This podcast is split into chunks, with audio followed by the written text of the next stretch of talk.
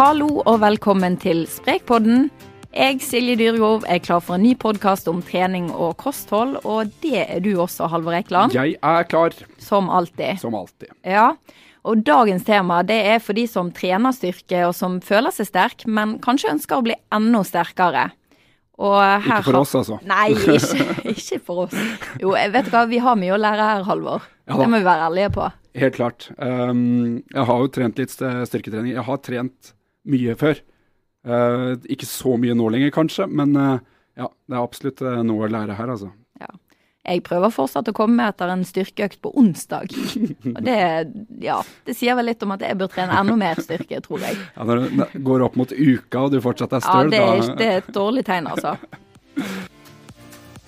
Sprekpodden er et samarbeid mellom Aftenposten, Bergens Tidende, Stavanger Aftenblad, Fedrelandsvennen, Adresseavisen, Sunnmørsposten, Romsdals Budstikke og i Tromsø. Med oss eh, i studio i dag har vi en som kan mye om dette. Martin Norum, velkommen til deg. Tusen takk for det. Du er personlig trener og har akkurat levert din masteroppgave på ernæring. Eh, du har også skrevet boken 'Sterkere fra trent til veltrent'. Hva mener du er hovedgrunnen til at man ikke får de resultatene man vil av styrketreningen etter å ha trent styrke en stund?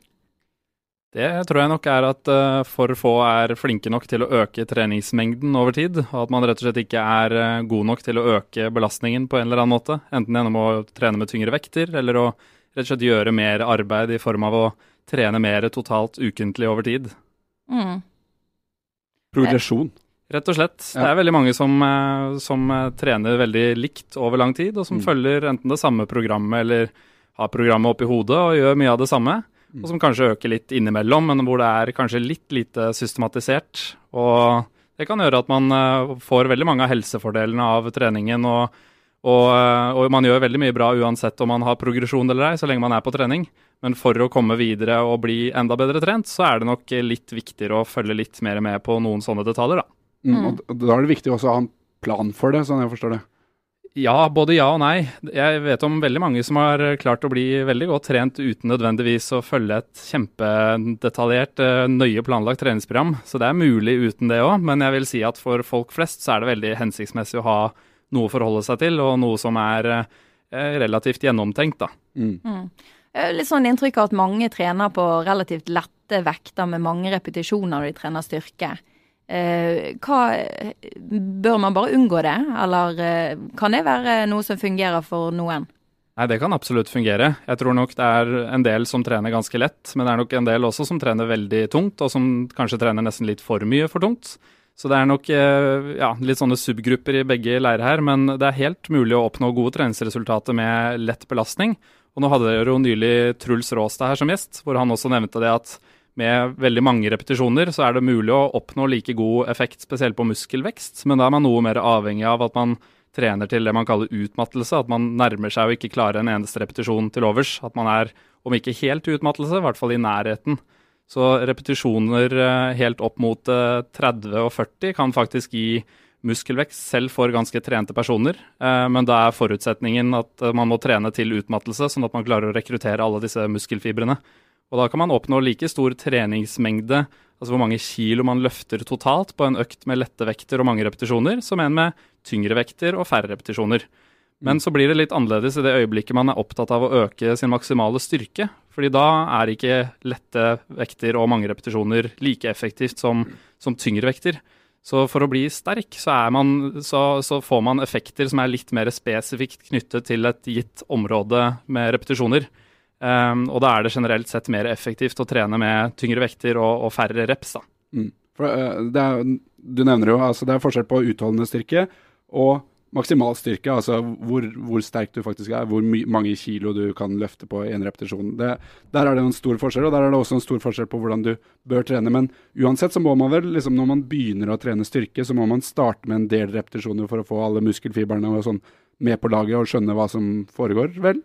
Ja da, eh, så når man begynner, så er det klart er det nok ganske smart å trene med en del repetisjoner mm. bare av læringsøyemed, altså at man får eh, innøvd bevegelsene godt. Men uh, samtidig så tror jeg nok at mange ganske raskt kan begynne å trene relativt tungt, og det kan være vel så vanskelig å opprettholde fokus på, do, på god teknikk over veldig mange repetisjoner som litt tyngre vekter og færre repetisjoner. Eh, men det er helt riktig som du sier, at eh, det er litt forskjell på muskulær utholdenhet og maksimal styrke. Og så er det også litt forskjell på å trene for maksimal muskelvekst eller maksimal styrkeutvikling. Mm. Selv om det å få en større muskel er veldig tett knyttet til også en sterkere muskel, så kan man spesialisere seg litt mot den ene eller andre retningen. Så generelt sett så, så ser man bedre styrkeeffekt av å ligge et lavere rep-område fra f.eks. to til seks, sammenlignet med seks og oppover. Men uh, der, er det, der, er det, nyanser som må frem, avhengig av hva slags treningsstatus man er, da, eller har. Mm. Men altså for å få progresjon, hvis du er mm, kommet på et visst nivå Man trenger ikke nødvendigvis å trene mer. Det handler egentlig bare om å endre. Trene, eh, trene tyngre, må, kanskje? Må vel, må vel, trene mer i en eller, annen, liksom, en eller, annen, form. Ja, ikke sant. For man kan jo øke treningsmengden på mange forskjellige måter. Mm. Man kan øke antallet serier i samme øvelse, eh, sånn at man gjør mer arbeid i en gitt øvelse eh, ukentlig over tid. Eller man kan trene med tyngre vekter, som også er en måte å øke treningsmengden på. Uh, og trenings, uh, det totale treningsstimuliet vil også kunne endres gjennom at man trener samme muskelgruppe oftere, ikke sant? sånn at man får en større mengde over tid. Så, så, det er helt riktig, det er mange måter å øke mengden eller belastningen på. og I tillegg så kan man snakke om hvordan øvelsene utføres. Det er forskjell på å utføre en øvelse med halv bevegelsesutslag sammenlignet med å trene med et maksimalt bevegelsesutslag. Sånn som å gå halvveis ned i knebøy sammenlignet med å gå fullt ned i knebøy. Er selv om man gjør like mange repetisjoner med like mye vekt, kanskje, så er det forskjellig belastning for kroppen. Men eh, det viktigste prinsippet er eh, det å øke mengden over tid. Og det jeg ofte anbefaler, er at um, folk prøver å få et litt mer bevisst forhold til hvor mange serier de utfører på en gitt muskelgruppe per uke. Så hvis man f.eks. trener styrketrening tre ganger i uka, hvor mange sett har du på fremsiden av lårene? Hvor mange sett har du på uh, f.eks. Uh, ryggmusklene? Og at man prøver å, å, få et litt forhold til hvor mange serier eh, rett og slett hver muskelgruppe er under belastning hver uke. Og for folk som kanskje har trent systematisk i f.eks. et år, så kan det være hensiktsmessig å ha et totalt antall sett hver uke på f.eks. 12-15 serier. Og, den da. Ja, og at det da fordeles over f.eks. For tre økter. Mm. Så Hvis du har 15 serier, så vil jo det da være fem serier på den muskelgruppen hver, uke, hver økt gjennom en uke. Ja, bare sånn, tre ganger, ja. Mm. Tre ganger fem serier er 15 serier. Mm. Så at man f.eks. på tre økter kan det være ganske smart å trene fullkroppsøkter, hvor man trener de fleste muskelgruppene på én økt. Eh, og at man da f.eks. har en knebøy med fem serier for fremsiden av lårene på den ene økten, og f.eks. en beinpress på økt nummer to, og kanskje en utfall med like mange serier på økt nummer tre. Og dette er jo forenklet sagt, da. Men uh, etter hvert som man har trent enda lenger, så kan kanskje antallet serier skrus opp ukentlig mot 20 og helt opp mot 25. Og når man skal trene med så mange serier, sånn f.eks. 25, så vil jo det bli veldig mange serier hvis man kun trener tre økter, ikke sant? Mm. Så da vil man kanskje gjøre lurt i å trene musklene, eller trene flere treningsøkter ukentlig, da, sånn at man kan fordele dette arbeidet her utover. Um, og det er ikke nødvendigvis sånn at uh, hver av de øktene bør være fullkroppsøkter, sånn at man trener de samme øvelsene eller samme øvelsesvarianter hver eneste økt. Men for maksimalt styrke så er det en del som tyder på at det er hensiktsmessig å trene de samme muskelgruppene og øvelsene relativt ofte, fordi også styrke er en ferdighet. Da. Så det å få øvd nok ganger på samme bevegelse og bli bedre til å utføre den og, og få bedre teknikk, det er ganske hensiktsmessig. Så da er det ganske lurt å trene ofte, men for muskelvekst så trenger man ikke nødvendigvis å trene musklene så veldig ofte, så lenge man gjør nok arbeid på hver økt. Mm.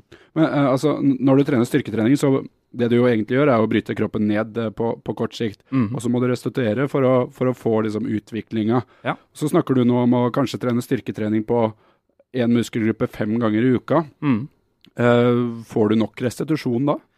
Ja, altså Kroppen er veldig tilpasningsdyktig og kan venne seg til, til, veldig mye. og det som er et viktig poeng her er at Hvis man trener en muskelgruppe såpass ofte, så vil man gjøre det med mye mindre arbeid per økt enn det man gjør hvis man trener hver muskelgruppe bare to ganger i uka.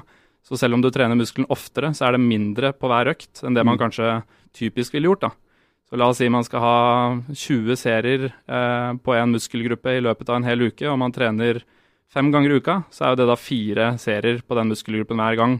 Og det er ikke en, en, avskrekkende treningsmengde, og man kan helt fint uh, restituere seg godt fra det så lenge man sover nok og spiser nok, og ikke minst uh, gradvis venner seg til dette her. Så for de som hører på, så vil jeg ikke mm. anbefale å gå rett på å trene hver muskel fire-fem ganger i uka. Men eh, hvis man er vant til å gjøre det f.eks. to ganger i uka, så kanskje øke først og fremst til tre. Mm. Og man har veldig gode bevis for at det å trene hver muskelgruppe to til tre ganger i uka er mer effektivt enn én. Men så er det litt mer sviktende bevis for at eh, fire og fem er noe mer effektivt enn f.eks. tre. Mm. Men uh, av praktiske hensyn, når man kommer opp i en stadig større treningsmengde, så er det nok ganske lurt å fordele det litt uh, utover. Um, men det er fullt mulig å oppnå kjempegod effekt av å trene styrketrening kun tre dager i uken også. Du skrev en gang at eh, hvis man trener mye og avansert styrke, så kan kondisjonstrening med moderat intensitet og lang varighet gjøre det vanskeligere å få fremgang i styrketreningen. Eh, kan du si litt eh, mer om det? Ja, altså jeg tror nok for folk flest så er nok ikke kondisjonstrening noe som, som gjør det veldig mye vanskeligere å ha, ha fremgang på styrketreningen. Men for de som er ekstra opptatt av å bli f.eks. mest mulig sterke, så, så, er det nok fornuftig å ikke ha veldig mye utholdenhetstrening i eh, programmet. Men så lenge man f.eks. ikke gjør dette på samme økt, som man vet at uh, gir en litt redusert effekt sammenlignet med å splitte utholdenhetstrening og styrketrening på forskjellige dager, så kan man helt fint uh, ha utholdenhetstrening i et uh, fullverdig program også. Og for folk flest så vil jeg si at det er veldig lurt å trene begge treningsformer. Mm. Ikke bare trene styrketrening, men å høste fordelene, helsefordelene av uh, utholdenhetstreningen også. For man trener jo litt ulike energisystemer med disse to treningsformene. Men du sier det er lurt å dele opp og trene kondisjonen én dag og styrke en annen dag? Det vil jeg si generelt sett. Men hvis du da er godt trent og vil bli enda bedre, da blir det veldig mange dager med trening, da? Ja da, det er klart det. at Hvis man har lyst til å, å være veldig allsidig og trene både styrketrening og utholdenhetstrening, eh, så, så, har man noen utfordringer etter hvert med hvordan man skal fordele dette her. Men eh, det er heller ikke noe problem nødvendigvis å, å, trene de sammen. Men det er det også kanskje enkelte måter som er litt smartere å gjøre det på enn andre. Hvilke? Og da tenker jeg at først og fremst så bør man trene den treningsformen som er hovedfokus, og som man har lyst til å bli best mulig på først. Og eh, hvis man da er opptatt av å øke maksimal styrke, så bør det utføres før utholdenhetstreningen. Siden det viser seg å gi bedre effekt, rett og slett. Både akutt, at du kan løfte litt tyngre vekter, men også over tid at man får en bedre respons av det.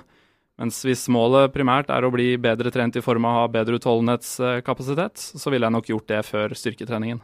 Mm. Men aller helst prøve å splitte det på forskjellige økter.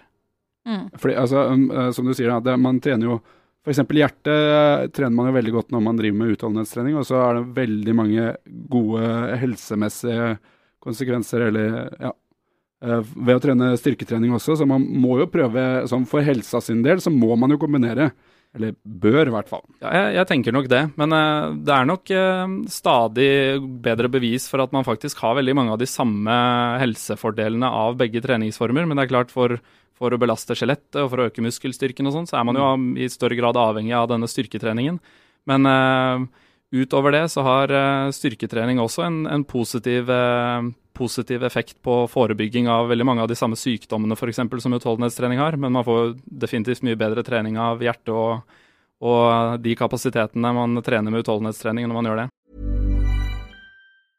Hey, I'm Ryan Reynolds. At Mint Mobile, we like to do the opposite of what Big Wireless does. They charge you a lot, we charge you a little. So naturally, when they announced they'd be raising their prices due to inflation, we decided to deflate our prices due to not hating you.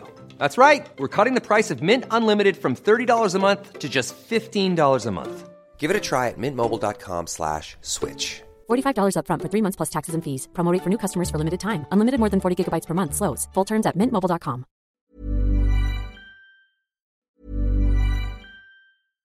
How would you like to look five years younger? In a clinical study, people that had volume added with Juvederm Voluma XC in the cheeks perceived themselves as looking five years younger at six months after treatment. Look younger, feel like you. Add volume for lift and contour in the cheeks with Juvederm Voluma XC. Reverse signs of aging by adding volume to smooth laugh lines with Juvederm Volure XC. For important safety information and to find a licensed specialist, visit juvederm.com. That's J U V E D E R M.com. Not for people with severe allergic reactions, allergies to lidocaine, or the proteins used in Juvederm. Common side effects include injection site redness, swelling, pain, tenderness, firmness, lumps, bumps, bruising, discoloration, or itching. There's a risk of unintentional injection into a blood vessel, which can cause vision abnormalities, blindness, stroke, temporary scabs, or scarring. Talk to a licensed specialist to find out if it's right for you. Mm. Du kan jo mye om eh, hva type mat som er lur å prioritere når du skal få fremgang i treningen. Eh, men så har jeg òg lest dette med at eh, du er opptatt av at man ikke kan gi like kostholdsråd til alle. Du må på en måte tilpasse til hvilken idrett det er snakk om, hvilken altså, mm, person det er snakk om. Men, eh, hva kan man si om, om det, da? Hva råd kan man gi?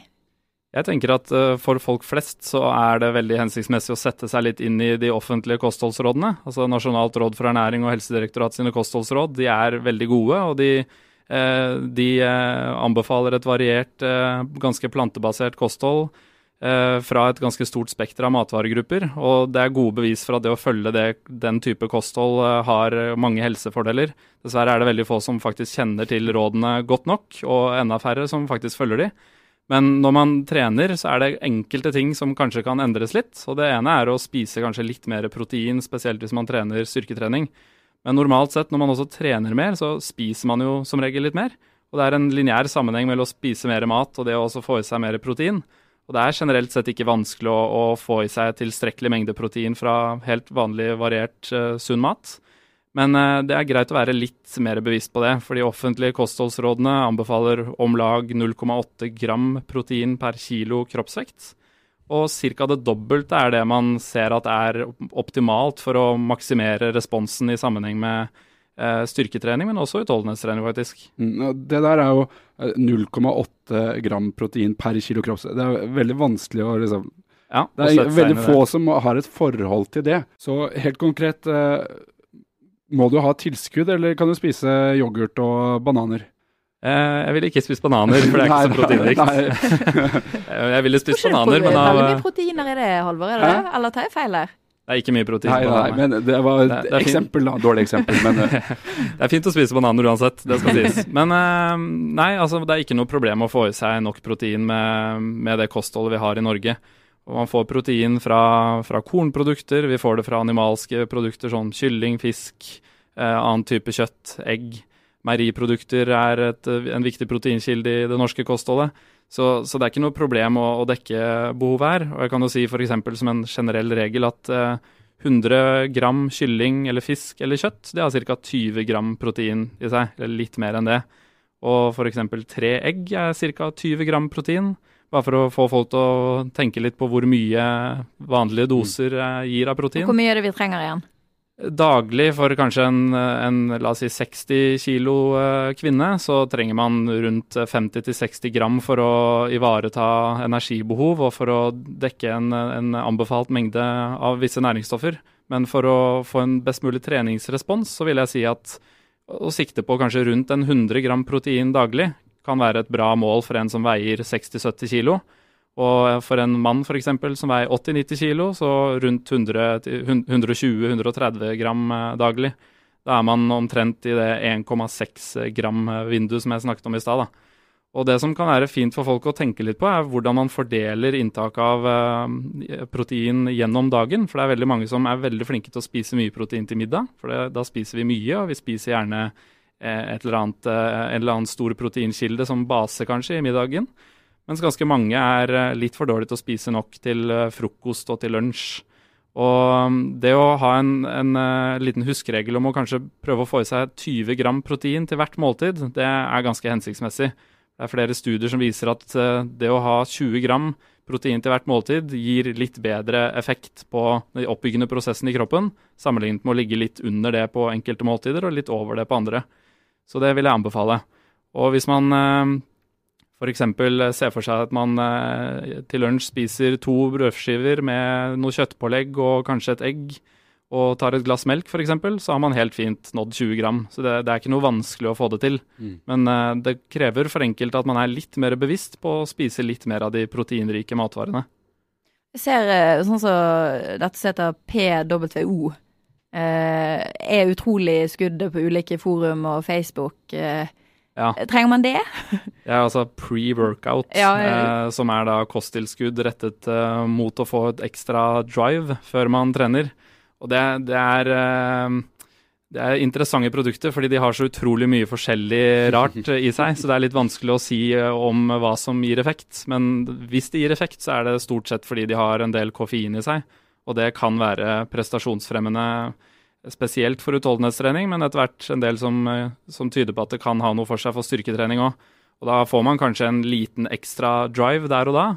Um, men jeg vil nok fraråde folk å gjøre seg avhengig av å innta sånne ting for å, for å føle at man får en god treningsøkt. Og det er veldig mange som bruker veldig mye koffein både fra energidrikker og fra sånne kosttilskudd som skal tas for øktene, for å liksom føle seg klar, da. Og jeg ville nok tenkt at man først og fremst skal bruke det hvis man skal gjøre noe som er ekstra krevende, eller eventuelt eh, har en litt ekstra dårlig dag for å komme seg litt opp. Det kan gi en liten prestasjonseffekt på kanskje 2-3% men uh, vi vet ikke om det er noe bedre å bruke dette før hver økt, for da tar du deg kanskje uhensiktsmessig langt ut og kan bryte musklene litt mer ned enn det som er hensiktsmessig. Så jeg, er litt skeptisk til å, anbefale det før, hver økt. Da. Så er det jo noe med det at uh noen av de tilskuddene man tar. Jeg, jeg var inne på et forum nå rett før vi gikk inn på sending. Der ble liksom uh, Jack 3D et tilskudd. da. Mm. Det ble anbefalt. Uh, og jeg har en kompis som ble tatt til doping fordi han hadde brukt det produktet. Det var et ja. skittent produkt da, som, ja. som, jo ikke heller er lov i Norge. Var i hvert fall ikke. Nei, det er ikke lovlig. fordi Det inneholder noe som heter geranium, og det er flere andre kosttilskudd som har vært lovlige, som har uh, blitt ulovlig ulovlige senere. Og dette med kontaminering eller forurensing av kosttilskudd er dessverre et mye mer utbredt problem enn det folk flest kjenner til. Mm. Um, så det er, det er, vanskelig å kvantifisere det, men det er ulike analyser som tyder på at det er rundt 10 av eh, kosttilskudd generelt da, som er forurensa. Og det er jo av stor betydning for de som uh, kan bli tatt i en dopingkontroll. Uh, men så finnes det et stempel som heter Informed Sports Product, som enkelte kosttilskuddsprodusenter har. Og det betyr at det er ekstra godt testet fra en uavhengig lab som jobber med å rett og slett sikre at ikke tilskudd inneholder forbudte stoffer. Og hvis man bruker sånne produkter, så er man ikke 100 sikker uh, på at man ikke får i seg noe, men man er veldig mye mer trygg enn hva man kan være fra vilkårlige kosttilskuddsprodusenter. Da. Så det vil jeg anbefale å få med seg Informed Sports Products. Du kan ikke komme med noen uh, altså styrketreningsmyter? Mm. Mm. Jeg vil kanskje si at en myte er det at man ikke må trene musklene for ofte. Uh, og det er klart at det å trene hver muskelgruppe hver dag er ikke noe, nødvendigvis noe hensiktsmessig for folk flest. Og bare for å poengtere det, så er det ikke sånn at man kan forvente utrolig mye bedre resultater hvis man går for å trene hver muskelgruppe to til fire ganger i uken. Det viktigste poenget er det å øke treningsmengden, enten man fordeler det på den ene eller andre måten. Men over tid så må man rett og slett gjøre mer arbeid, og det er kjempeviktig for å få bedre progresjon. Og at man prøver å jage etter å trene litt tyngre hver eneste treningsøkt. Og så vil jo dette gå litt opp og ned i bølger og daler, men over tid så må man uh, jobbe med det. Uh, men man kan i hvert fall venne seg til å tåle å trene hver muskelgruppe oftere, så lenge man har en forsiktig progresjon. Og man kan restituere seg tilstrekkelig mellom hver økt uh, når man bygger opp den kapasiteten over tid. Hvis man har en dårlig dag, da? Vi har aldri det, Halvor. Nei, vi, nei, vi har aldri dag. Generelt er det veldig lurt å ta hensyn til dagsformen. Ja. Så det å kanskje, hvis du følger et program, ha en sånn eh, pluss-minus 5 %-regel som man eh, tilpasser litt avhengig av dagsform. Mm. Man legger på kanskje 5% mer de dagene man er i ekstra god drive, og, eller litt mindre de dagene man eventuelt ikke er det. Det vil jeg si er ganske fornuftig for å både komme seg gjennom øktene på en grei måte og ha best mulig bærekraftig utvikling over tid. For Er man i litt dårligere form og for enhver pris skal pushe grensene hele tiden, så er det også litt høyere skaderisiko. Så det er fint å, å lytte litt i kroppen og, og, tilpasse det litt etter dagsformen.